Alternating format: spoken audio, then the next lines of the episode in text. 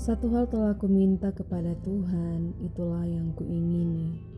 Diam di rumah Tuhan seumur hidupku, menyaksikan kemurahan Tuhan dan menikmati baitnya.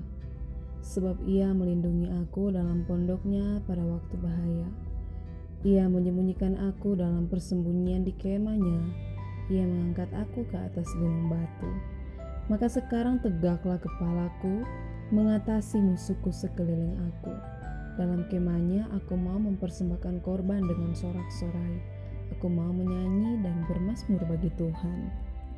Terima kasih telah mendengarkan podcast Mazmur yang singkat dari House of Prayer. Tuhan Yesus memberkati kita semua.